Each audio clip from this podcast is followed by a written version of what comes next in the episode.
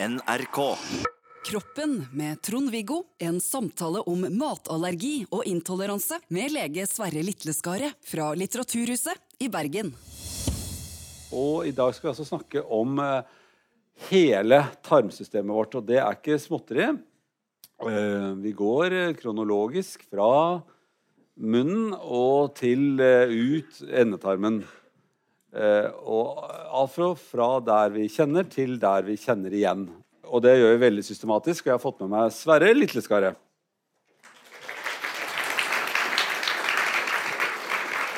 Ja. Hyggelig. Du er lege og forsker, har jeg eh, bestemt meg for å kalle deg. ja. Helt i orden. For da føler jeg meg litt sånn på linje med deg. Er ikke du liksom mye bedre enn meg liksom, fordi at du er et eller annet professor eller noe sånt bråk? Neida. For det har du ikke blitt ennå. Nei, det stemmer. Har du lyst til å bli det? Ja, Ja. absolutt. Ok, da er vi ferdig med det. Ja. Jeg har alltid hatt lyst til å bli amanuensis. Jeg synes Det høres så veldig flott ut. Det er et Ja. mye finere ord enn professor. Det er veldig eh, stilig, og på nynorsk så blir det jo førsteamanuensis. Å, Så det høres jo nesten eh, adelig ut. Alt med fyrste, om det er kake eller hva som helst, det er jo mye bedre. da. Vi skal snakke om Nå skal vi, vi begynne fra begynnelsen av. Mhm. Og det er eh, når cellen begynner å dele seg og eh, skal bli et barn. Og så vet du som eh, Du bør ikke vite dette, for det vet jeg litt om, men det er at vi har, da deler liksom cellene seg i tre grupper. De som skal bli yttersiden av kroppen, og de som skal bli mellomdelen av kroppen, og de som skal bli innersiden av kroppen, som er på en måte utenpå og inni. Det er det vi skal snakke mest om i dag. Det som skal bli utenpå og inni. Altså ut, eh, den eksodermen den blir jo da til det som er på utsiden, og litt sånn nervesystem og sånn faktisk. Det er jo litt sånn rotete. Men også er det den mesodermen som blir til eh, muskler og eh, forskjellige indre organer. Og så er det endodermen som blir til det røret som egentlig er yttersiden, men den varme, tropiske innsiden av mennesket, som heter mave-tarmsystemet. Vi må jo ta med hele røret, da, så det blir jo fra svelget Ja. eller fra rumpa til ræva, som noen sier på dialekt. Heter det på din dialekt òg? ja. Fra rumpa til ræva. Rumpa. Ja, fra, Fra fra tunge, til, fra tunge til anus. Ja, okay. i- Det var, det var mye penere, ja. ja. Ok, vi begynner fra der maten kommer inn. Hvor vi sier Dette her tror jeg vi kan slippe inn i kroppen. Ja. Det, Vi dytter det inn der, og så har vi muligheter til å spytte det ut igjen. Men når vi har svelget det, så går det over i den delen som da vi ikke kjenner noen ting. Vi kjenner liksom at det svelges, men så er det slutt. Så kjenner vi ikke noe mer. Nei. Um, og, men allerede før du putter ting inn i munnen, så skjer det jo masse. Du begynner å tenke på mat, og bare ved tanken på mat så begynner du jo å eh, stimulere til at hormonene skilles ut i, i eh, magesekken, og eh, du skiller ut spytt til munnen bare ved tanken på mat. Um, og, eh, og gjør klar fordøyelsesprosessen. Så det er nesten som man skal på besøk, at man har tenkt masse før man kommer til eh, det stedet man skal. Ja da, sånn at man er godt forberedt. Ja, og pynta seg og tatt på seg riktige klær og gleder seg veldig. Så hele kroppen gleder seg til mat. Ja. Men så er det en sensur som ligger i munnen. Det er jo mye glede der, men det er også en slags sensur. For hvis det er noe helt gærent med maten, så vil vi merke det der. Det ut, selv om hva som står på datostempling, Ja. sier kroppen at dette kan vi ha. Eh, ja, så allerede før da òg så har du jo luktesansen og synsansen, men eh, så passerer kanskje denne matsorten da, og, men kommer inn på tungen, og der har du et ekstremt nettverk av eh, smaksløker på ulike sett, som også kan gjenkjenne noe som bederver og smaker forferdelig, rett og slett, allerede der. Og da vil de si at dette kan vi ikke ha inn i kroppen. Et normalt menneske spytter da, da ut, Ja. og ikke svelger det. Ja. Stemmer. Bortsett fra hvis du kommer fra et veldig sultent sted på en veldig rar gård, så vil du Ja. svelge unna. Eller er et spedbarn, kanskje, eller Ja. noe Ja, men kanskje de også er flinkere til å spytte ut. Ja, Jeg hadde en svigerfar som skrapte av sånne ting fra osten alt som det var liksom blått og grønt. Ja. Han spiste resten. Ja da. Ja, det, det går helt fint. Ja. Um, Så du er fra et sånt sted, du også? ja da, absolutt. Du må bruke alt. Og Ja. eh, lukter å se lenge på det før du bestemmer deg for å hive noe. Altså. Ja, Og det går veldig bra, eh, for det kommer jo ned det, det, via dette her veldig rare slappe røret, som er egentlig en transportting forbi lunger og, og, og hjerte og sånn. Ja da, den er, er litt sånn slapp og kjedelig, den der eh, spiserøret. Eh, til og med der så er det ganske sofistikert muskulatur og nerver og alt sammen. Og det er veldig koordinert og vakker eh, dynamikk i svelling. Og du kan til og med svelle stående på hodet. Ja. Og det er ikke bare en passiv prosess. Det er bare gdunk, dette ikke ned i magesekken. Det er eh, veldig koordinerte bevegelser. Eh, men så skjer, det skjer ikke fryktelig mye spennende egentlig i spiserøret. Nei. Nei. Maten går videre ned i magesekken. Og, og her er det ikke snakk om at det er eh, noen bakterier som da kommer videre. Altså Kommer du ned i magesekken, så er det nesten som å komme et sånn svovelbad. Altså Det er jo Ja. kjempesurt. Veldig surt. Eh, og det er jo eh, flere poeng med å ha det surt der. Det ene er jo å beskytte mot eh, alskens eh, ulumskheter, bakterier og virus og lignende. Eh, og den andre tingen er jo at da begynner jo allerede elte- og spalteprosessen av eh, tingene du har tygd og svelget ned. Ja. Og det tilsettes litt mer væske, og det blir liksom begynner å For hele, hele Mavet-Time-systemet er jo Denne delen av Mavet-Time-systemet er et slags sikle, sikleområde. Det bare eh, sikler ut i tarmen Ja. slim og Og det skjer en del eh, kjemiske prosesser der som er sånn passelig spennende, men det er ganske mekanisk det som skjer eh, ned i spiserøret og, og ned i, i eh, magesekken. Eh, Når du sa passelig spennende, er, er du ikke så fascinert av den delen? eh, personlig så er jeg mer eh, fascinert av eh, tjukktarmen. Oh ja, Så jeg gleder meg veldig til vi kommer ned dit. Men, eh, men for all del, det skjer bra ting i, i, eh, i magesekken òg. Og eh, for så vidt allerede når maten kommer ned i magesekken, så gir jo den òg signal til tjukktarmen. Ja. En ganske viktig refleks som heter den gastrokoliske refleksen. ja. Så den har fått et navn, altså? Den har fått et navn, og gastro betyr jo bare magesekken, og kolon er jo tjukktarmen. Ja. Så det er den gastrokoliske refleksen. Det betyr at når du får en volumøkning i eh, magesekken, så gir det beskjed nedover i systemet òg at halleia, nå kommer det mat, Ja. nå må vi gjøre plass. Ja, det er flott. Og da, det betyr at enkelte må på toalettet, Allerede når de har begynt å spise? ja, eller iallfall når de har spist ei stund. Ja. Ja. Alt ettersom hvilken tarm du har, altså. Men Ja. begge deler kan være normalt. ok. Ja. Så enten om de ikke gir beskjed, eller om de gir beskjed, eller om du klarer å holde deg eller ikke klarer å holde deg, så er alt det der innenfor? Ja, jeg syns det. Ja, ok. Det kommer an på hvor fort du spiser, hvor masse du spiser, og hva du spiser. Ja. Ja. Hvor fort bør man spise? Det optimale er jo eh, denne her middelhavsdietten. Og det er forska mye på hvorfor den er bra. Og, men én ting som òg gjør at den middelhavsdietten er bra, uavhengig av hva en spiser, det er at en sitter ned og er med venner og har det kjempefantastisk kjekt og sosialt og synger og danser. Vi har jo denne stereotypien av hvordan de har det i middelhavslandene. Ja. Sånn at du skal ha, prøve å gjøre de fleste måltidene til eh, en liten sånn eh, happening, kanskje. Og ta deg god tid. Tygge maten veldig godt og nyte Ja. det mest mulig. Ok. Ja. Så den, den glade fordommen vi har av middelhavsspising, det er den Ja. vi skal prøve å tenke på når Ja. vi spiser mat. For at, eh, mm, jeg har jo vært og underholdt på en del sånne steder hvor, hvor folk spiser. Og da er det også noen selskaper som lager sånne middager hvor det er veldig mange som spiser samtidig. Og de regner ut hvor lang tid det tar fra du har spist, begynt å spise og til du er ferdig med å spise. Ja. Og da er det sånn at hvis det er bare menn, så går det fryktelig mye fortere enn hvis det er kvinner og menn sammen. Ja, ja, absolutt. Så det er et eller annet ved det sosiale som eh, hvor, hvor hvis man er flere kjønn, kan vi jo si da, så er det koseligere. Ja. Hvis det er veldig koselig, så glemmer en kanskje litt å tygge og spise. Ja, da, Prate mer. Og ja, det er det. Så tar det litt tid, og det er bra for maven. det er bra for fordøyelsen. Og eh, ikke spise altfor fort. Da er vi for min del kommet ferdig med det du syns var sånn passe interessant, nemlig magesekken.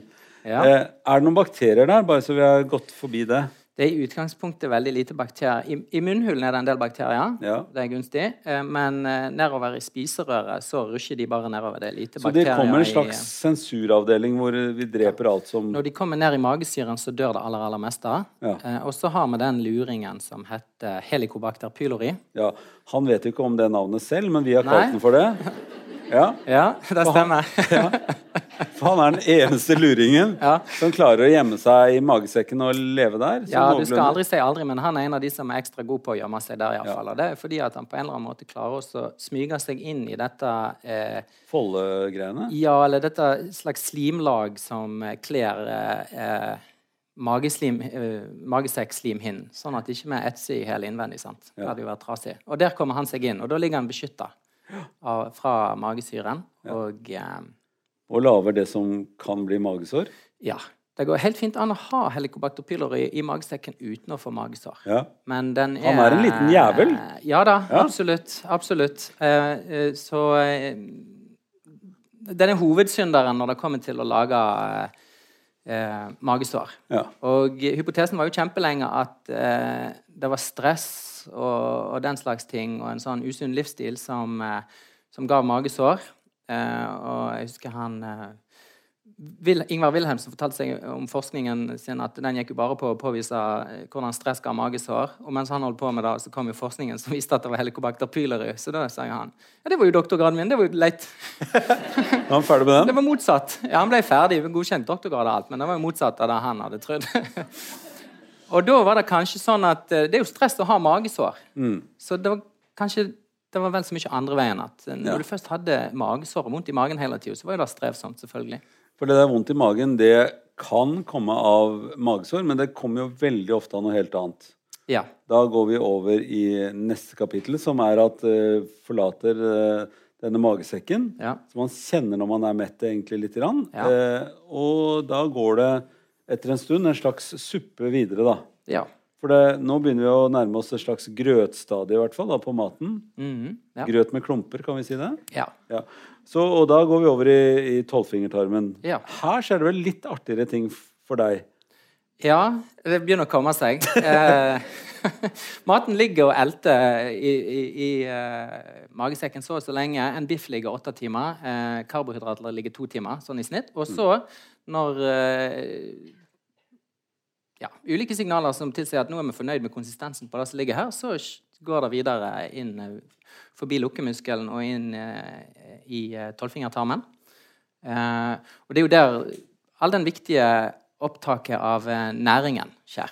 Altså der tas opp det aller, aller meste av det som kroppen kan nyttiggjøre seg av. av Da må man ha litt grann, et annet miljø. Så da her kommer det noen enzymer og noen sånn spalteting og Ja. ehm, det er veldig mange forskjellige hormoner og enzymer som bidrar. Ikke alle kjenner vi til ennå. Eh, en- kjenner vi, til- kjenner vi ikke til alle?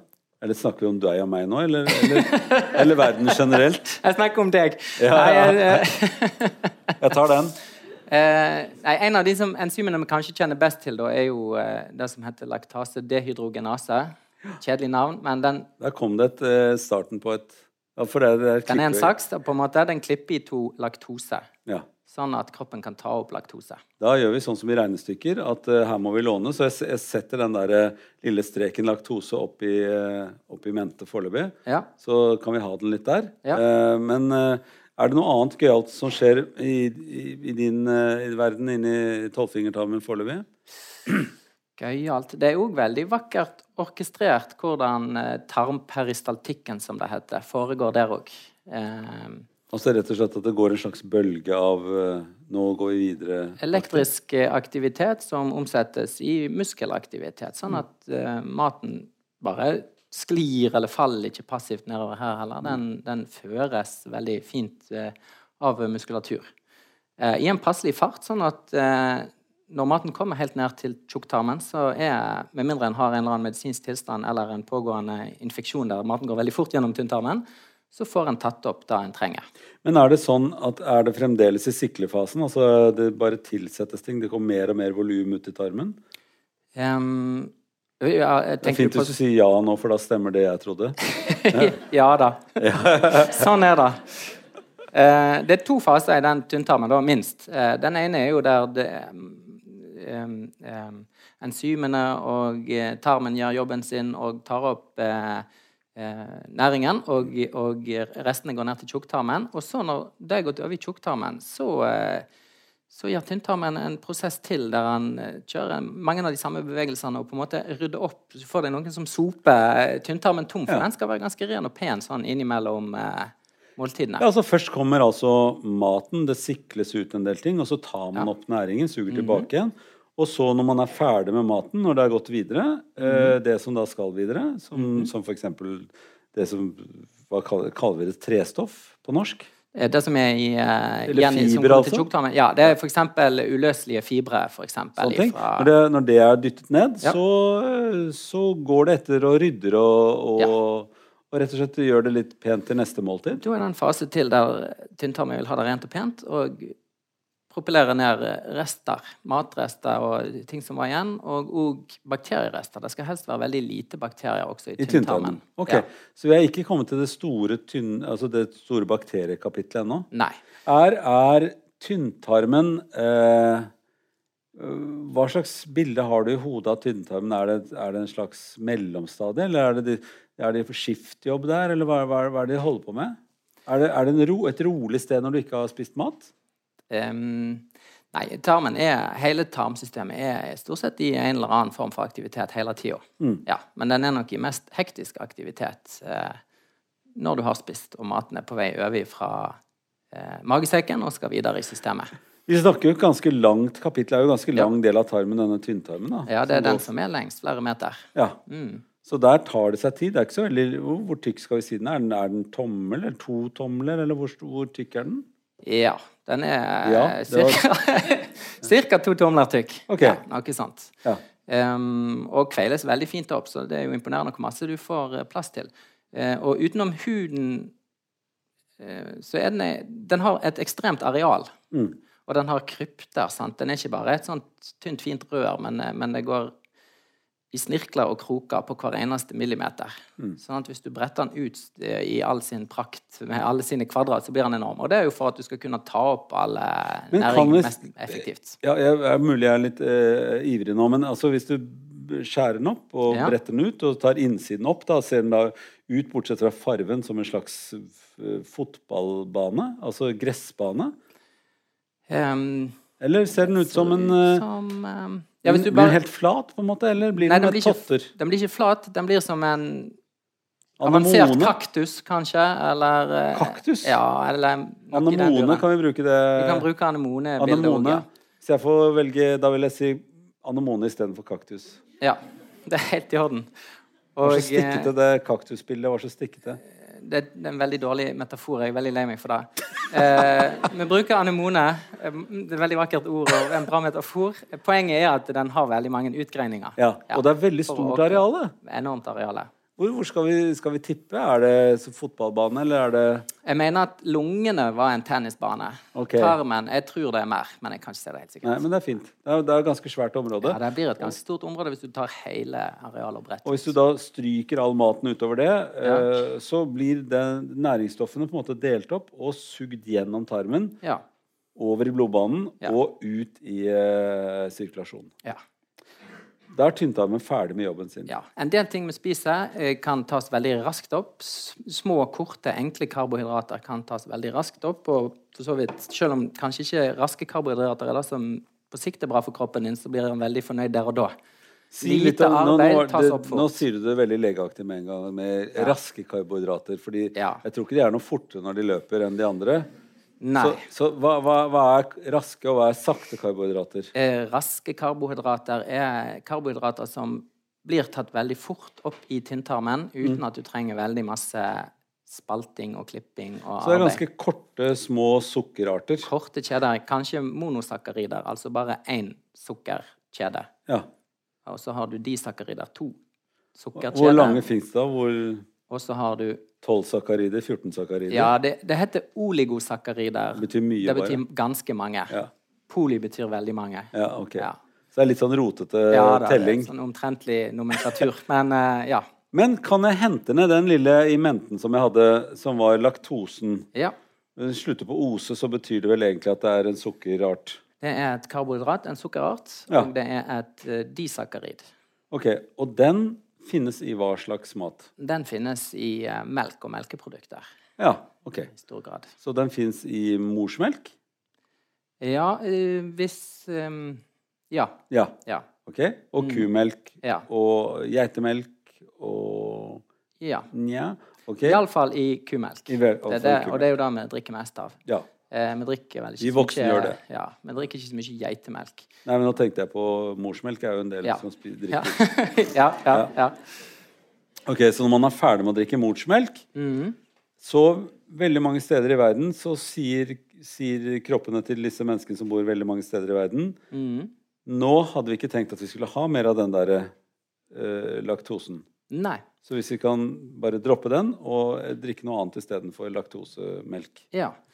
Ehm, det der er jo eh, ehm, på gennivå at en, eh, en eh, enten lager dette enzymet som spalter laktose, eller ikke.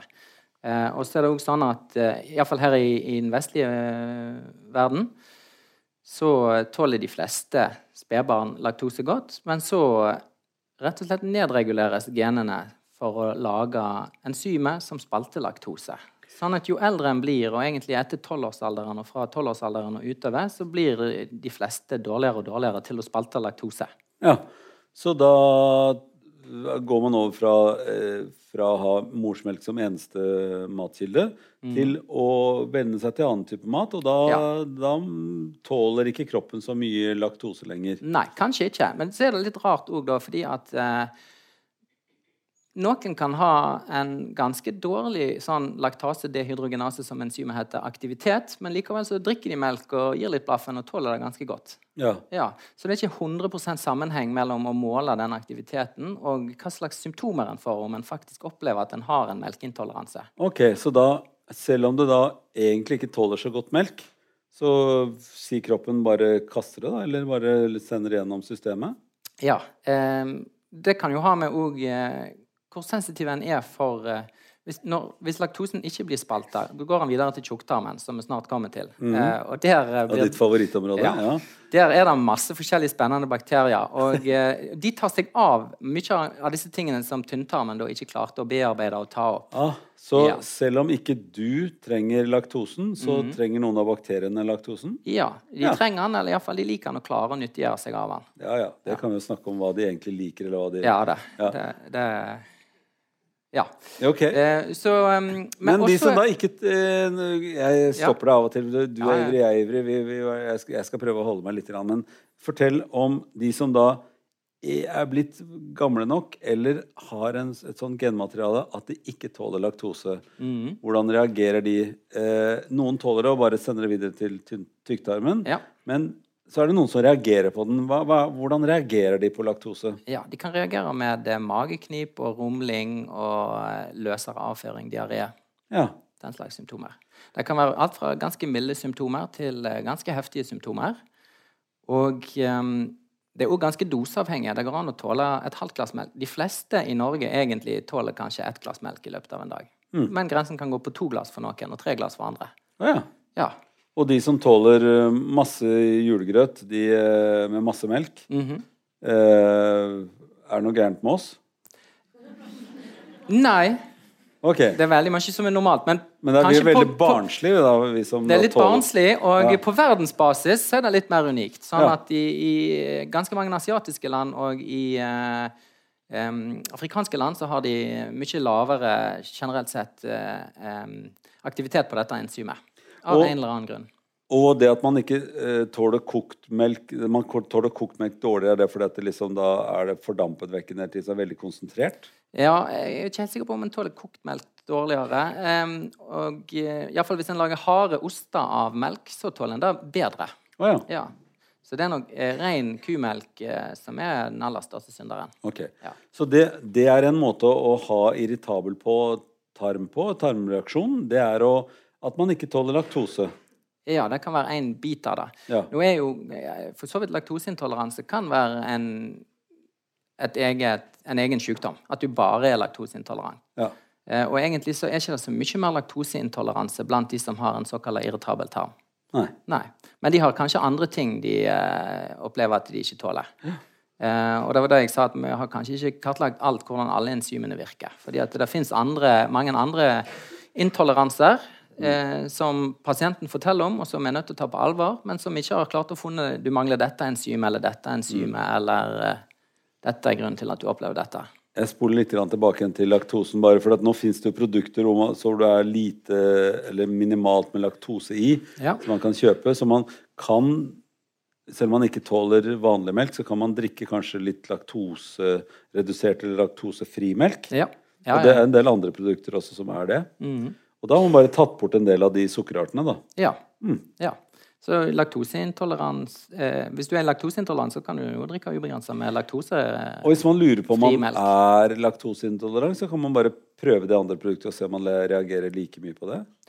Eh, ja, du, hvis du mistenker at du er laktoseintolerant, så kan du jo gå til legen din. Men du, du kan nok òg prøve, prøve deg litt fram med laktoseredusert kost en periode og se om det hjelper. Mm. Og så kan du til og med prøve å drikke litt melk igjen og se om du da blir dårligere. Ja. Så da har du jo testa det dobbelt opp. Ja. Og så er du ganske sikker i din sak, og så går du til doktoren gjerne. Mm. Og så ja. um, kan han ta og prøve på om du kanskje har melkeallergi, for det er jo noe annet igjen. Å ja. Ja. Så, eh, Det er ikke så så, lett, skjønner du. at det er bare én ta- måte å være allergisk mot melk på. Det er flere måter. Men la oss eh, ta Men nå har vi dekket litt det der laktose, for det er ganske vanlig å ikke tåle så mye melk. Ja. Og da kan man egentlig bare gå ned på mengden. Ja.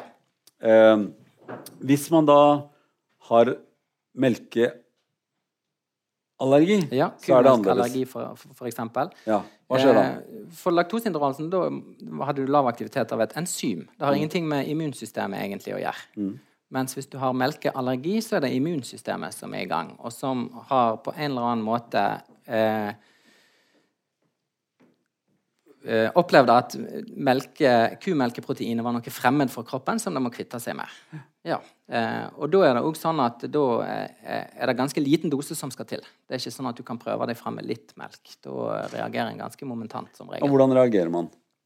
Eh, det kan være ganske overlappende symptomer med laktoseintoleransen, Ja. rett og slett. Så du får vondt i magen, eller kan bli kvalm, eller Ja. får luft i magen, eller Kvalme, oppkast, mageknip, luft. Ja. Eh, Når det gjelder matvareallergiene, så har vi jo flere. Og eh, de eh, matallergiene kan òg gi symptomer utenfor tarmsystemet. Mm. Som eksem og hevelse andre steder på kroppen. Og i de verste tilfellene så får en det som en kaller et anafylaktisk sjokk, der en reagerer så kraftig at hele kroppen blir i en sånn immunmessig alarmberedskap, og en kan få til og med eh, problemer med pusten. Mm. Ja. Det er sjeldent, sjeldnere for de vanligste matsortene, og hyppigere for nøtteallergiene. Da. Nøtteallergi, da tar vi, de, for de er, de Ja. er verstingene, de, da. Eh, All, den aller verste nøtten som fins, hva er det? Um, Peanøtter er ganske ille. Ja. Eh, Cashewnøtter og eh, pistasjenøtter og en andre, del andre trenøtter og, eh, kan ha ganske svære allergier, rett og slett. Der en eh, eh, til og med bare ved å få Hvis en har fått det i seg et par ganger ved et uhell eh, og blir såkalt sensitiv, sensitivisert, så kan en til slutt være så allergisk at bare det kommer et lite frø flygende inn i nesen, så kan en få reaksjoner. Ja. Og da er det, da er det cashewnøtter er det aller verste? Ja, nå, eh, det, det er litt vanskelig å gi seg opp veldig gode meninger på litt små materialer, men, Men skal- men, men cashewnøtter er en versting. Fra 1 til 10 så er cashewnøtter 11? Ja. Ok. ja. Så, eh, og hva er, det, hva er det man reagerer minst på av nøtter, da? Er det hassel, eller eh, er det valnøtter, eller jeg vet ikke om jeg kan si egentlig Nei, så mye okay. om det. Nei. Så bare, så de som er nøtteallergiske, de, eh, de bør ikke finne det ut ved å prøve alle nøtter. Nei. Nei, absolutt ikke. Nei. Hvis en først har eh, en, eh, en eh, matallergi, så vet en jo hvordan den første reaksjonen var. Mm. Så er det jo sånn at neste reaksjon kan bli verre og verre og verre. Men du kan òg få eh, bare den samme reaksjonen hver gang òg. Kan man det- vaksinere seg litt? Grann? Ja. Kan man det? Ja da. Eh, det, det, um, desensibilisering, som det heter. Da betyr det at vi lurer kroppen til å tro at nei, dette tåler du allikevel. Ja. Eh, og så gir du ørsmå doser eh, i starten under strengt oppsyn, så at du har beredskap til å behandle hvis du skulle reagere veldig eh, voldsomt. Eh, og så gir du litt og litt og litt og litt mer. Eh, dette er litt mye på eksperimentell stadie når det kommer til matvareallergier, men det foregår en del lovende forskning. Det er mer vanlig mot, eh, mot luftveisallergier. ja. Så Eh, hunder og katter og sånt. Ja, hunder og katter er nedprioritert, fordi du kan bare kvitte deg med hunden eller katten. sant? Ja, det er lettere sagt enn gjort. Har du prøvd å kvitte deg med en katt? Ja, min katt Nei. Nei. Men jeg har uh, traumer fra barndommen uh, der jeg var veldig glad i katter. Og katten vår rømte ganske umiddelbart etter mm. Eller rømte, eller ja. Var iallfall borte. Relativt. Ja, mor og far sa at den har rømt, ja. med gåseøyne. Totto har rømt, mm. sa de. Uh, og nå er du mye bedre i luftallergien din. Ja. Og da var jeg veldig allergisk mot katt, og da måtte katten vekk. Fordi at Med luftallergi så er det, er det lettere å vaksinere mot enn det er med matallergi, er det du sier? Ja, det er iallfall prøvd ut mer. Og det er f.eks. for, for graspollenallergi så finnes det ulike varianter av vaksinering mot graspollen. Men nå har vi synes jeg, dekket litt at det fins noen matallergier som kan være veldig alvorlige. Ja. Og så går det over til laktoseintoleranse. For man kan mm. være intolerant mot ting. Og man tåler litt, men ikke så mye. Og så har det en masse sånn boblete tarm innimellom der, syns jeg. Når litt sånn ja. kvalm, boblete luft i tarmen uh, er litt sånn følsom tarm. Mm. Hvis vi tar følsom tarm, ja. hvor, hvor hva skal man gjøre med det? Um, hvis vi kanskje tenker på følsom tarm som eh, Eller vi kan ta eksempel i den sykdommen som heter irritabel tarmsyndrom. Var det egentlig mente med det ordet ja. fikk du lov å bruke? Ja, tusen takk. Ja. Da føler jeg meg smart. Ja, ja. Og jeg føler den, meg veldig dum. Dette ja. så, så, irritabel tarmsyndrom mm. um, det er en tilstand der en, en, en har en mer følsom tarm enn en normalen, kanskje. Eh, rammer 10% pluss-minus av befolkningen, alt mm. etter hvem du spør og hvordan du spør. og, litt sånne ting, Men ca. 10% så det er ganske mange. Og det kan være helt ifra at en har ingen plager, til at en er nesten ufør av plagene sine. Mm. Det er sjelden, heldigvis, men, men, du har hele spekteret på den sykdommen. Um, og ja, det er en fantastisk interessant sykdom. Jeg vet ikke hvor jeg skal begynne. Eh, og den illustrerer Begynn på den letteste delen av den. Altså, ja. Er det sånn på den letteste delen, hvis man har irritabel tarm, at man kan si seg til at ja, jeg skal være litt forsiktig med hva jeg spiser, men jeg tror det går mm. over? Ja.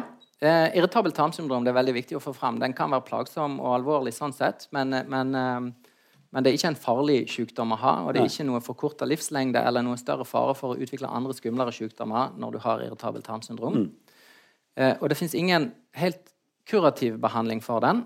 Det er mulig at den brenner litt ut med alderen. Hva da går i, det vet jeg ikke. Det kan hende at den bare lærer seg å gi enda litt mer blaffen i tarmsymptomene sine. Men i tillegg så fins det veldig mange forskjellige måter å lindre symptomene på. Ja, da, eh, ja det, er, det, er, viktig for oss. For én ja. uh, ting er å å tåle symptomene, men det er ikke mhm. sikkert det er det lureste. Men uh, det å lindre symptomene kan jo kanskje være en vei å gå før man liksom går til den svære behandlingen. Ja. Um, for noen som har irritabelt tarmsyndrom, eller som har merka at i det siste har det vært noe galt med tarmen sin, så har de faktisk en ganske god eh, sånn, lindringseffekt bare av å komme til en god, empatisk lege som tar uh, symptomene på alvor, og som utreder grundig nok til å være helt trygg på å si at uh, Eh, deg feiler det ingenting alvorlig, og jeg kan hjelpe deg med plagene dine. Mm. Allerede der så er det ganske mange som føler seg ganske letta, og da kan ganske greit leve med symptomene. Mm. Um, Men det hjelper ikke med sånn grøtomslag eller sånne ting som man gjorde i gamle dager? At man smører noe på magen, eller Jeg er så utrolig ung at jeg vet ikke hva du snakker om. Åh. Nei. Og det er mange kjerringlod på det der. der. ja. Eh, jeg skjønner. Men, ja. um, jeg skjønner, han og ristet på hodet. Ja. Eh, det, er, um, det finnes òg um, ulike kostholdsråd en kan gi til de som har irritabelt tarmsyndrom. Og veldig mange, størstedelen av de som plages med irritabelt tarmsyndrom, oppgir at mat er en ting som kan utløse plagen deres. Mm. De enkle, mest banale rådene er egentlig å spise litt små måltider, litt hyppige måltider, og spise i en avslappa setting. Mm. Eh, og det gjelder jo for så vidt de som ikke har plager med tarmen òg, at de kan merke at hvis de heiver innpå masse mat i en veldig stressa situasjon, så kan de få knip og plager. Mm. Enda større grad eh, for de som har irritabelt tarmsyndrom. At, mm. Eh, at, det er viktig å prøve å ha litt ro rundt måltidene. Og okay, små måltider. Det, det, dette er et veldig viktig råd. altså Ha ro rundt måltidene. Ja. Kanskje litt mindre mat av gangen, mm. og heller spise litt oftere. Ja. Eh, er det, no, er det noe spesielt mat som, som, setter i gang denne irritable tarmen? holdt jeg på å si, Den blir irritert? Ja. Um, det har vært forska en del på. Det må jo sies at å forske på folk sitt kosthold er utrolig vanskelig. Gullstandarden er jo å gjemme seg hjemme hos de og se hva de faktisk spiser. Spionkamera inn i kjøleskapet og ved kjøkkenet. for folk sier, vet ikke helt hva de spiser. Eh, Problemet er jo at eh, kanskje de ikke vet helt hva de spiser. Og, eh, men det kan òg være veldig vanskelig å vite hva du faktisk har spist. fordi at den eh, ferdiglagede maten som vi spiser veldig masse av, den har jo en lang lang innholdsfortegnelse, så du kan ikke vite hva det akkurat var du reagerte på. Ehm, og I tillegg så kan reaksjonen trenger ikke komme sånn som man av og til gjør med allergi, at den kommer ganske umiddelbart. Du spiser noe og så kjenner du nei, pokker, nå igjen. Ja. Eh, mens når du har irritabelt tarmsyndrom og eller følsom tarm, så kan eh, symptomene komme litt seinere. Så Mm. da vet du ikke om det var eplet, eller om det var sjokoladen, eller om det var det eller da. Men, er, Men, det eh, fins noen sånne lister. Jeg har Ja. sett det er noe som heter FODMAP. ja. F-O-D-M-A-P. Mhm. Dot .com, er det det? Det er- veldig sånn der dot .com-aktig.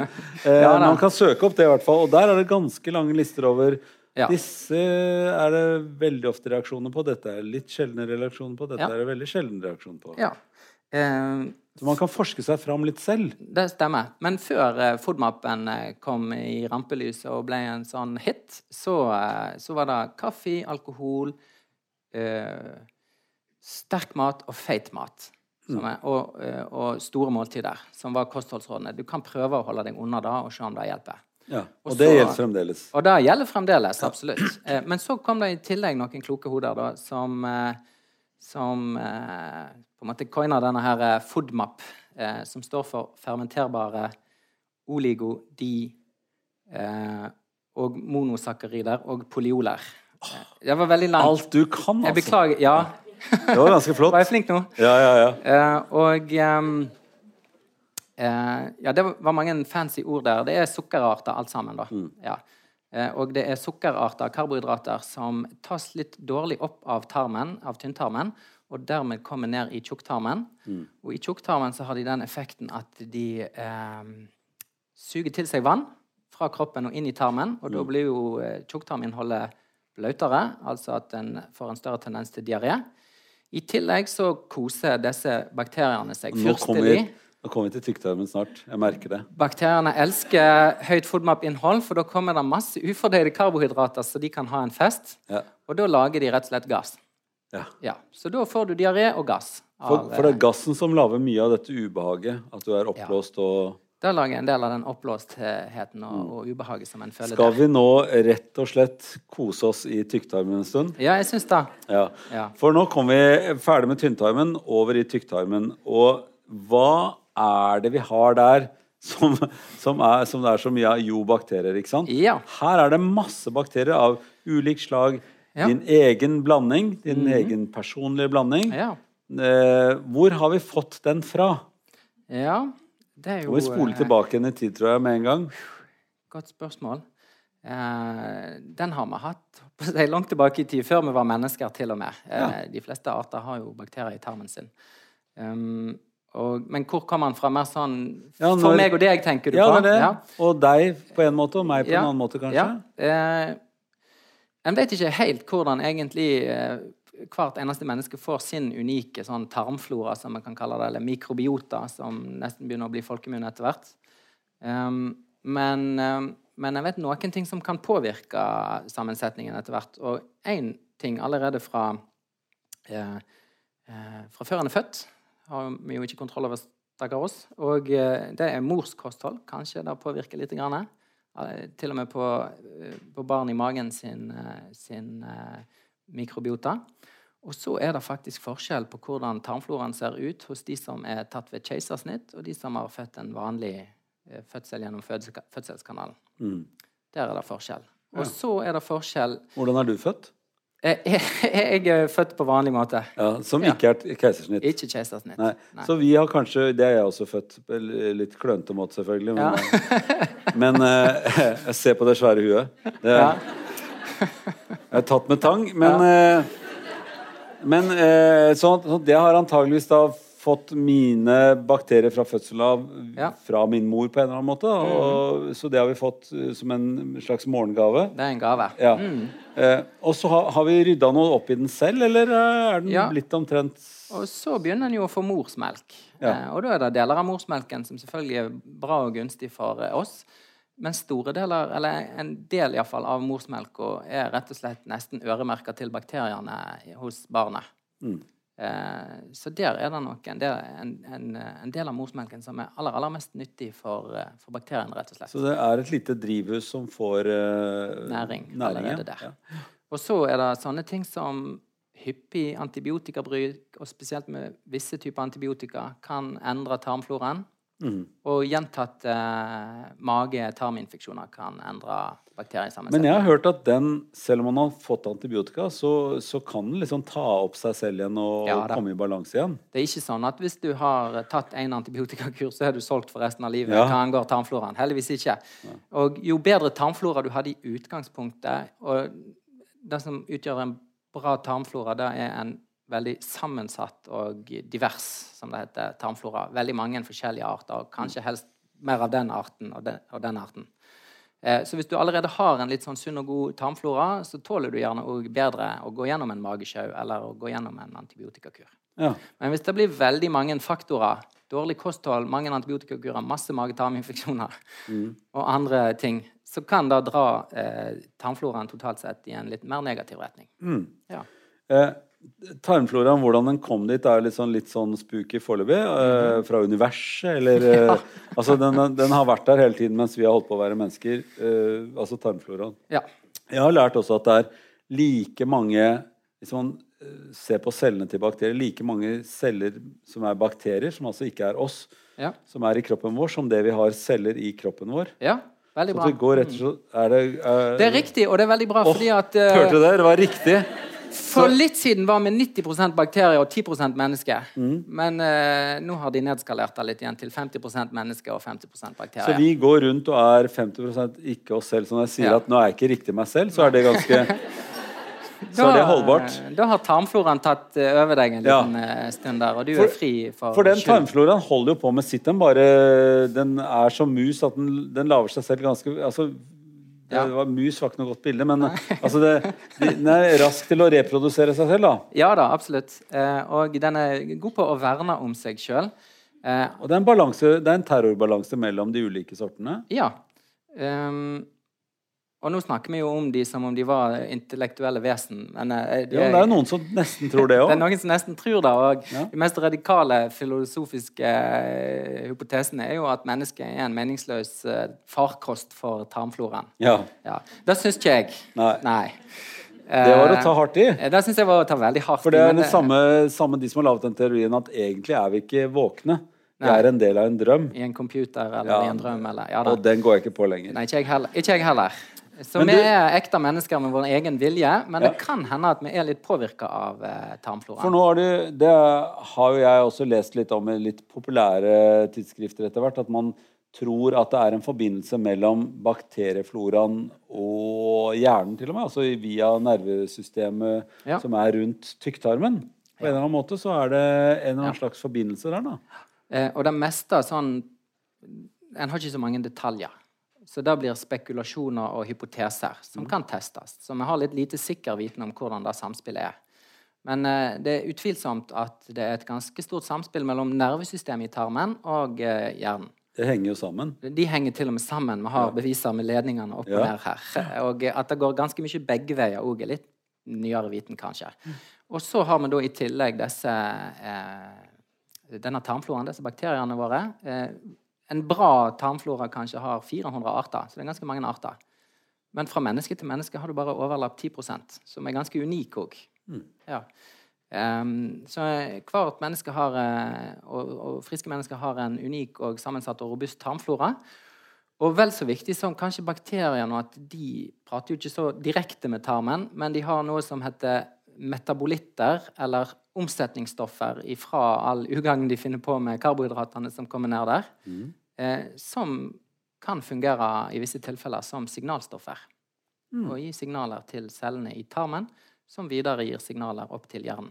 Ja, så enten direkte eller indirekte så snakker de jo i gåseøyne med nervesystemet vårt på en eller annen måte. da. Ja, sannsynligvis at de snakker, sender signaler. Ja.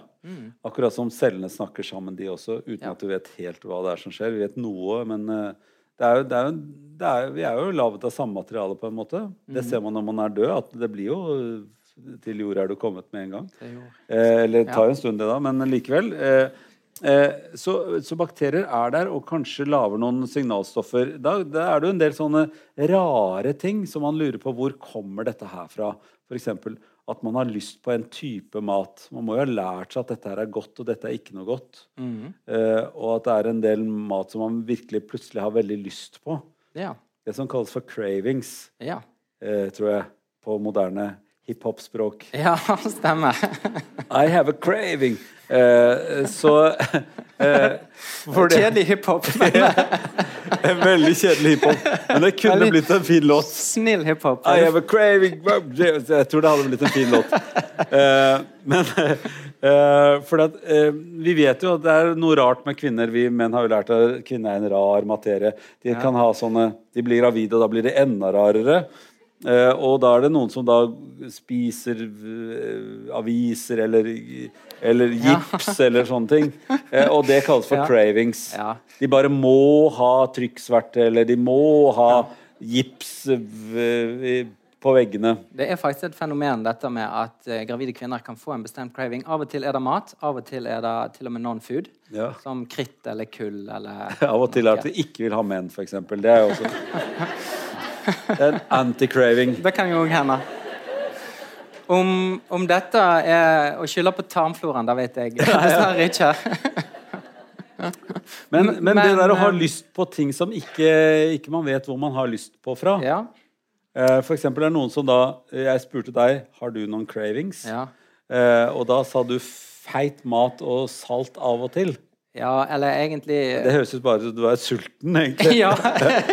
Jeg kom fram til at det er litt kjedelig. Jeg har ingen helt sånn, eh, sånn spesifikke cravings. Men hvis jeg har jobba hardt en dag og glemt å spise, Ja, så, så kunne sulten. Så, så kunne jeg vært fornøyd og gått og lagt meg, men da må jeg først ha veldig salt mat. Og da når jeg har hatt litt salt mat, så må jeg ha litt søt mat. Men da spiser jeg for mye salt, søt mat, så må jeg ha litt salt mat. Ja. og, vel- og da må du ha litt penger og gull også. Det er, ja.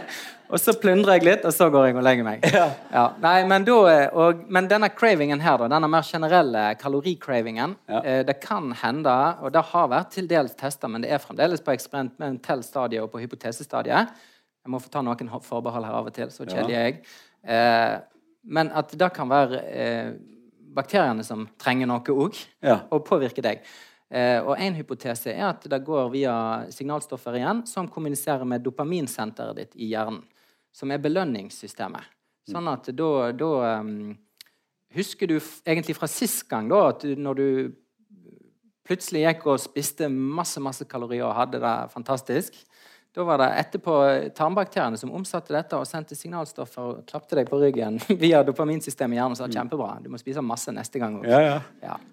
Fordi at øh, øh, Etter at man øh, Det lærer man jo som barn, at man har egentlig alltid plass til litt mer mat hvis det er dessert. ja. Altså At man har en slags ja. dessertmage, som man sa da man var barn. Ja. Eh, er det noen mening i det at man, det å ha noe søtt etter at man har spist, at det liksom er, er noe som noen, har, Ja. noen kan si til kroppen? Det var jo som jeg sa, at en eh, for eksempel saltmat og, og middagsmat, ofte en biff og, og annet kjøtt og fisk, blir liggende litt lenger i magesekken. Så da tar det litt lengre tid før det kommer ut i tynntarmen og blir eh, tatt opp der. Så da får du en liten craving på en liten dessert òg, for da får du raske karbohydrater. Og de er kortere tid i magesekken og går raskere òg over i eh, tynntarmen, der den blir tatt opp og gir deg litt raskere energi enn en biff gjør, kanskje, eller fett gjorde. Så, eh, så det er et sånn eh, vitenskapelig eh, du kan dra for å unnskylde deg når du Ja, fråtser dessert. Men så sa du også at det, det kan kanskje også sette i gang litt mer aktivitet i, i muskulaturen i, i Ja, altså den tømmes eh, eh, du, Ja. Karbohydratene tømmes jo da raskere ut, sånn at da blir det jo med litt annet av tarminnholdet òg ut.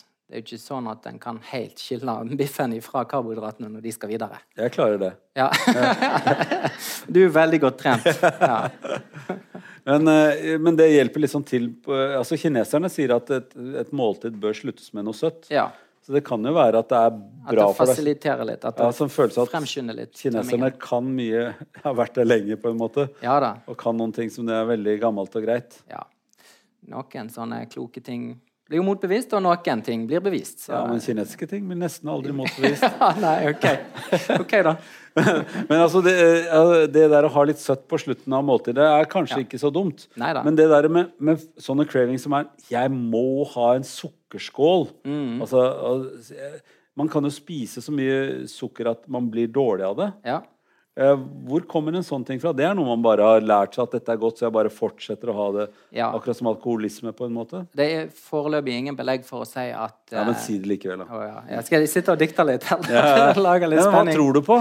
Eh, det er ikke usannsynlig at kanskje visse bakteriesorter, hvis de blir dominante i tarmen, kan sende signaler om visse matsorter. Men det er hypoteser. Det er ikke testa godt nok, og det vet en lite om. Nei, så det, det kan rett og slett at Hvis man avvenner seg litt med det, så vil bakteriefloraen endre seg, og så kanskje ikke det, Ja. man får det søtsuget. Ja, Det kan tenkes. Hvis en har vært lenge uten søt, så avtar søtsuget. Ja. Er Ok, sånn og, og våre forfedre, hvis man ikke går så langt tilbake som et annet dyr, Ja. de var jo ofte i naturen hvor det ikke var ferdigdestillert uh, søtsaker. Ja. Så man måtte jo spise det som Og da lette man jo etter knopper og alt, alt som er litt søtt. Eh, Selv om det tok mye, mye jobb for tarmen. Våre forfedre var sannsynligvis veldig flinke til å smake på veldig mye rart. Mm. Og eh, av og til gikk det jo dårlig. Mm. men eh, Den slekta ble det ikke noe av. så den slekten de var dårlige på å finne nyttige vekster, Ja. så de eh, er ikke her lenger, dessverre. Nei. Men, eh, men eh, det gjorde jo at de sannsynligvis hadde en ganske robust eh, tarmflora. De spiste så mye forskjellig at de fikk en veldig fin eh, variasjon i, i tarmen sin òg. Og, eh, og når det kommer til da kanskje sånn craving og overspising og fedmeproblematikk, så kan det òg ha en komponent av at eh, når vi var jegere og samlere, så var det veldig store svingninger i kaloritilgangen. sånn at det ville jo være veldig gunstig når du først fikk tenner i en stor sabeltanntiger, eller hva de fant, eh, så måtte du bare fråtse og gjøre deg opp. Ja. For det kunne komme skrinnere tider. Mens nå er det jo veldig sjeldent med veldig skrinne tider for de fleste her i Norge. Ja, kjøleskap, da. Ja. Ja. Så basere, Så, så nå er jo kaloritilgangen veldig god hele tiden, men kanskje en del av oss har i seg fremdeles det der med at å innta masse kalorier er bra. Gunstig. Ja, så man, Men det er jo ikke det. nei, for det, at eh, det er en Lenger. belastning for kroppen og utvikler en god del sykdom hvis man får altfor mye kalorier. Ja. Eh, Det kapitlet kan vi ikke bevege oss inn på nå. Men går det an å, eh, siden du er så glad i tarmbakterier, kan ikke, kan ikke du fortelle meg hvorfor tarmbakteriene holder seg i tarmen når de har resten av kroppen å ta av? Mm. Hvorfor kan de ikke komme gjennom uh, tarmveggene over i et annet del av kroppen? Eh, de eh, tarmbakteriene som er en del av oss, som lever i en sånn symbiose, en sånn eh, vakker eh, utveksling med oss eh, uten å plage oss, de, de har rett og slett ikke evne til å gå inn i tarmveggen. Nei. de blir i eh, de ytterste delene der og i, i, i tarmen. Og så var det Når du kom opp mot tynntarmen, da, de kunne jo, en kunne jo tenke seg at de krøp litt eh, Lenger opp? eh, lenger opp. Det gjør de av og til, og det kan gi mageplager. Um, men som regel, som jeg sa, så har du jo denne renholderfunksjonen i tynntarmen som dytter tarmen, eh, nei, eh, tarmbakteriene ned igjen eh, i, i eh, tjukktarmen. Eh, sånn at det er nok litt tarmbakterier i tynntarmen òg. Um, kanskje sånn Jeg leste et anslag en plass 10 000 eh, tannbakterier per eh, hva, hva kan ha vært per kvadratcentimeter, eller et eller annet sånt. Ja. Mens størrelsesanslaget er iallfall eh, eh, i 100 milliarder-størrelsen nede i tjukktarmen. Sånn at en skjønner at det er veldig få tynntarmen, veldig mange i tjukktarmen. Så det å komme seg oppover er ikke så lett, men hvis man uh, går videre nedover, da, ender Ja. opp i slutten av tykktarmen uh, Hvor da- skal du gå da? Da er det jo å komme seg ut. Uh, Ja, men der ute, vet du, der er det Ja. jo flere hull å krype inn i igjen. Ja, Altså både Særlig kvinner har jo et underliv som er Ja. ganske nære, og, og menn har litt lengre vei da opp i urinveien. Så det er litt sånn her, her er det jo muligheter for å krype videre. Ja. Hvorfor kommer de ikke opp dit? Nei, vi vasker oss jo ganske ofte, eh, sånn at det vil jo hjelpe på. Eh, og så er det òg sånn at i kvinnen, eh, kvinnelige ytre kjønnsorgan så er det et eh, helt annet miljø. Så der er det bare en viss type Hva slags miljø er det? Da er det ikke det hiphop-miljøet som er i tarmen. Det er ikke sånn eh, hiphop-miljø. Jeg, jeg vet ikke helt hva slags musikkmetafor eh, Det får du finne ut. Men, roll? Ja, Ja. Men der eh, har du noen andre typer eh, du, har, eh, du har en veldig min, mye mindre mangfoldig bakterieflora der, men du har en bakterieflora. Og den bakteriefloraen er veldig flink på å verne om eh, dette området. Og, og rett og slett hindre at andre bakterier kan komme seg inn. Det er Og, sånne vern våre våtmarker, er det, se- Ja. det noe som heter. Og det, og, det, og det høres litt sånn Det er en helt annen det er en slags Er det igjen nå. Visesang. Det er visesangmiljø, tror jeg. ja. Eh, men, men det er altså en helt annen bakterieflora i, i eh, dette systemet. ja. Og en helt annen bakterieflora er, er, Det er ikke helt sterilt i urinveiene, eller er det det? Nei, eh, jo Urinveiene skal jo helst Ja eller nei? Nei, altså I utgangspunktet så er det ganske sterilt i urinveiene, og iallfall oppover i urinveiene. Nå er ikke det alltid helt sant heller. Du kan ha litt bakterier i urinblæren uten at det nødvendigvis er en urinveisinfeksjon. Så det er bakterier for spesielt interesserte som er der. Ja, av og til Så litt sånn fløytemusikk. Ja, Det var et ganske godt bilde, egentlig. Ja, ja. Eh, av og til kanskje litt. Men, eh, men eh, hvis du da får en urinveisinfeksjon, eh, så er det jo med din egen eh, flora, og som regel din egen tarmflora, eh, som, som gir urinveisinfeksjon. Mm. Eh, når gitte andre betingelser er til stede. Det kan være en generell svekkelse. Økende alder gir økende tendens til uri- Men, men de vet hvor de skal være, disse bakteriene i kroppen? Til vanlig vet de det, men de kan forville seg og lage sykdom. Ja. Og hvis du får en kniv i magen, så er jo det uheldig av mange årsaker, selvfølgelig. Ja, det, Men det, det kom, betyr- det, kom fort på. Men jeg tenkte jeg skulle lage litt mer eh, Ja, drama her nå. ja, ja. Men poenget var jo da altså at rundt tarmen så er det jo helt bakteriefritt. På utsiden av tarmen. Ja. Mens hvis du da eh, Noe mindre dramatisk kanskje enn en kniv i tarmen. Ja, men ta eh, kniven, ja, det er fint, i det. tarmen, Da åpner du opp, sant, og så kommer alle disse forferdelige eh, bakteriene som er din beste venn, inn i tjukktarmen. De kommer ut i bukhulen og lager infeksjoner som ikke ligner grisen. Mm. Ja, fordi de kommer på en plass der de ikke skal være. Eller kanskje nettopp de ligner grisen. Ja, det er, Skal vi spole tilbake igjen? Vi må ta delen av tykktarmen som vi ikke ble ferdig med. For det skjer noe eh, mye verre i, i tykktarmen som er blitt mer og mer av i vår tid. En ting er at man har sånne små polypper og sånt nå i tykktarmen, Ja. som man kan se hvis man går opp med et, eh, et, en kikkert. Eller kikkert er litt feil bilde, men en lang slange, da, i hvert fall. Mm. Man kan kikke inn i. Kikkert var litt voldsom Ja, metafor ja, synes her. Eh, Det er... tel er teleskop, det var Alt det der er jo helt feil bilder. Hvis men du vil lang, inn og slange. kikke, så er det en liten, eh, fleksibel slange med et lys og en eh, kamera igjen. Og alt det der utstyret du putta inn i nå, er jo Ja. også litt sånn Det Det er veldig veldig svært veldig smart. Men det er en tynn, tynn ting. Mindre Ja. enn en uh, lillefinger. Ja. Mm, Og den kan man gå opp og kikke, kikke i tarmen, eh, Ja. og kommer opp i tykktarmen hele veien. Ja. Uh, og det er en bra måte å oppdage at det er noe helt gærent. F.eks. da uh, ordentlig glutenallergi som har ført til at du har fått en cøliaki. Ja, hvis, Eh, ja. Ja, jeg Hvis bare du- sier dette her først. Og så, og så eh, Eller man kan ha kreft der. ja. Eh, vi må si litt om eh, først eh, glutenallergi, eller For det har vi ikke sagt noen ting om. Nei, stemmer. Og det er jo også veldig sånn populært ord for tiden. Ja. Si hva gluten er, hvor det, er, hvor det kommer fra, og, Ja. og hva det fører til. Eh, gluten finnes jo i mange av våre vanligste kornsorter, som eh, hvete og rug og bygg. Eh, og eh, det finnes naturlig der. Men så har han òg funnet ut at eh, gluten har veldig mange flotte bakeegenskaper. Så han har drevet og tilsatt og avla fram eh, eh, kornsorter med enda mer gluten i.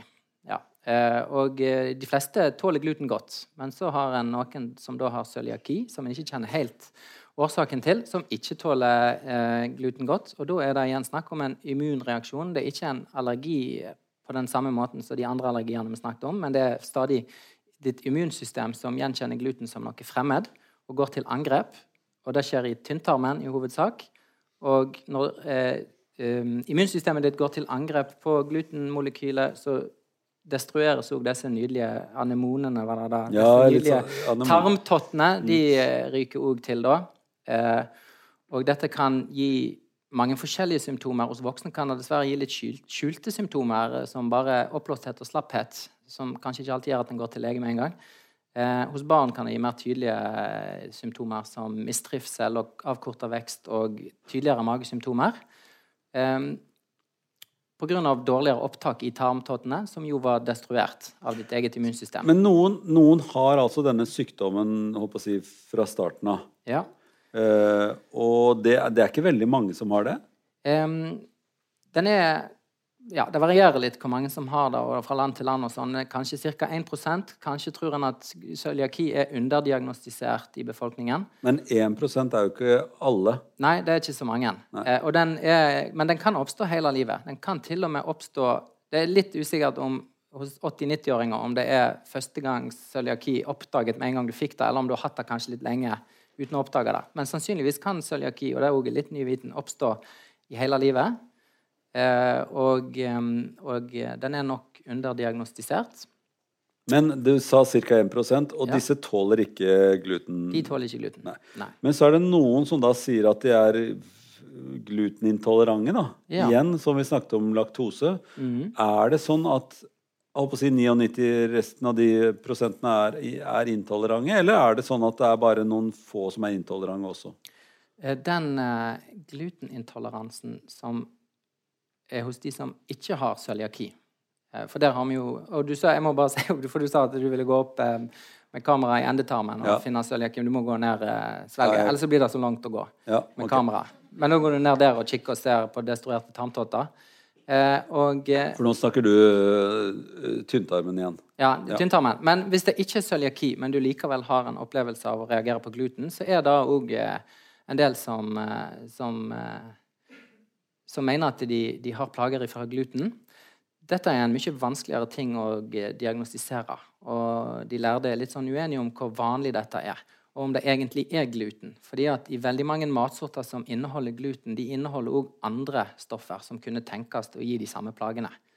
Eh, Men gluten bredde veldig om seg og, ble populært i Hollywood på et tidspunkt osv. Og, så og så ble det litt trendy.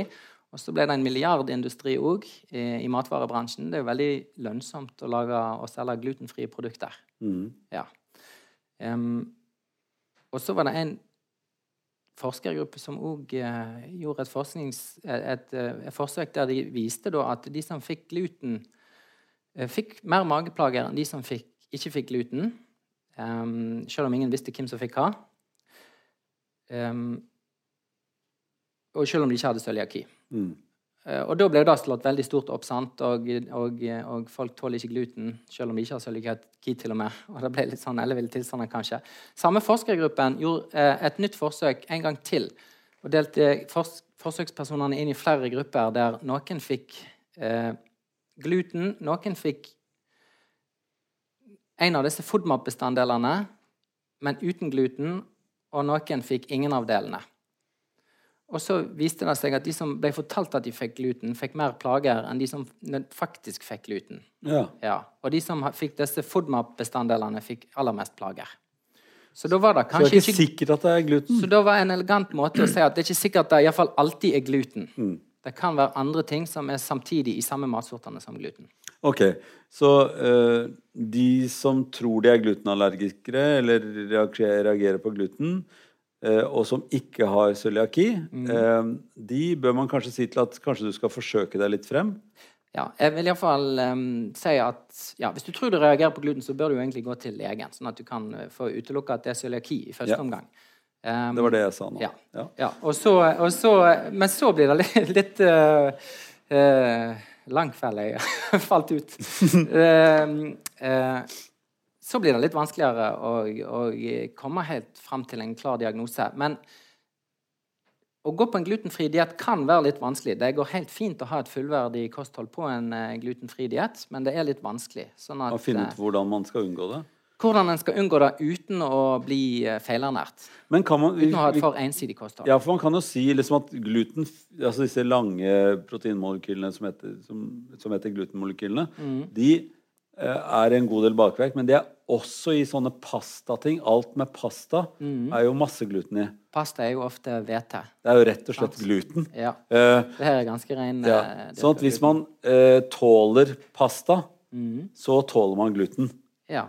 Så det, uh, det går det i hvert fall an å, å si til folk at hvis de liker pasta, tåler pasta, da er de ikke glutenallergikere på en eller annen måte. Nei. Det er ikke det, da, da er de, er de ikke toler, utolerante for gluten. Eller hva? Nå ble det veldig mange negative ting Ja. oppå hverandre. Men da, da, tåler de, da tåler de gluten. Mest sannsynlig gjør det det, ja.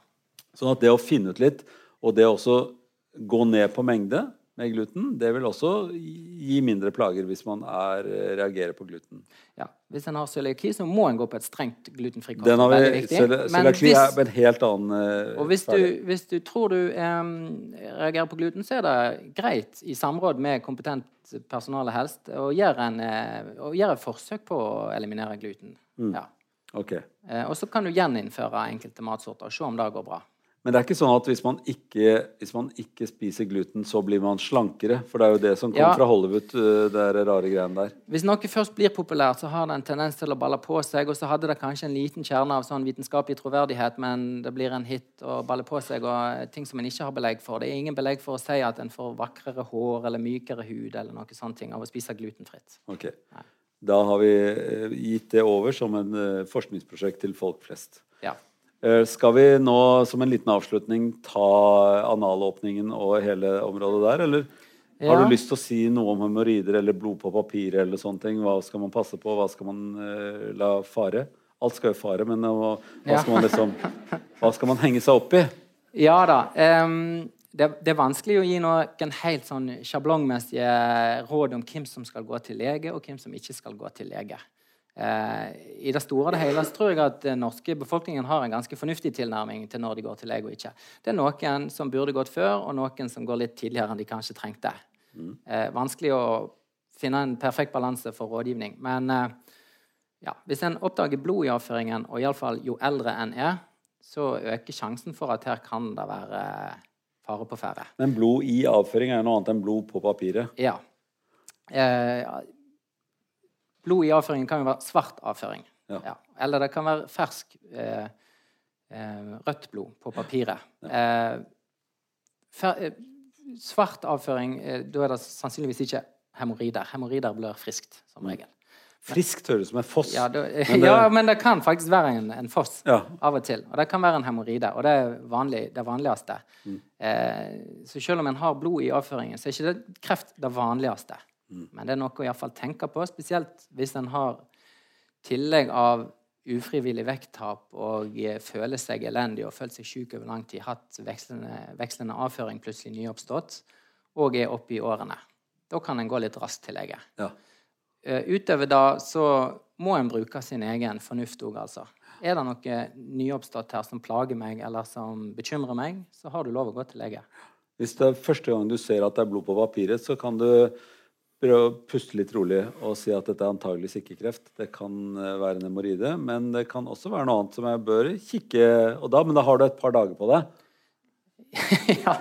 Mest, du har jo som regel et par dager på deg, altså. Ja. Eh, Du må ikke på i- med ambulanse med en gang hvis det er rødt på papiret. Nei, da må det være enorme mengder, og du føler deg svimmel og holder på å besvime. Da må Ja. du ringe. Men, Da, men, da men utover-. Men utover da eh, som jeg sa, hvis du har veldig mange eh, symptomer samtidig og føler at det er noe gærent, Mm. så går du til legen. Ja, jeg stoler på at folk klarer å, eh, å finne ut av det der sjøl. Og det må vi nesten gjøre alle sammen. øh, Og jeg syns det var en fin måte å avslutte på. Vi må, vi må ta det litt med ro og finne ut av en del ting sjøl. Og det er ikke, det er ikke alt som, som har klare svar. Man må kanskje forske litt på og kjenne etter, og, men ikke kjenne altfor mye etter heller. Nei, sitter og kjenner for mye. etter sånn passelig mye. Ja. kjenner passelig mye etter. Ja. Eh, og spiser passelig mye eh, av passelig mye forskjellig mat. Ja da, hvis du er, føler deg frisk og fin og ellers sånn, så spis variert og følg norske helsemyndigheter sine kostholdsråd. Ja, og spis litt på, på middelhavsmåten. Og spis på middelhavsmåten. Spis olivenolje òg, og gjør måltidene til en fest. Tusen takk for at dere kom, og tusen takk for at du kom. Tusen takk.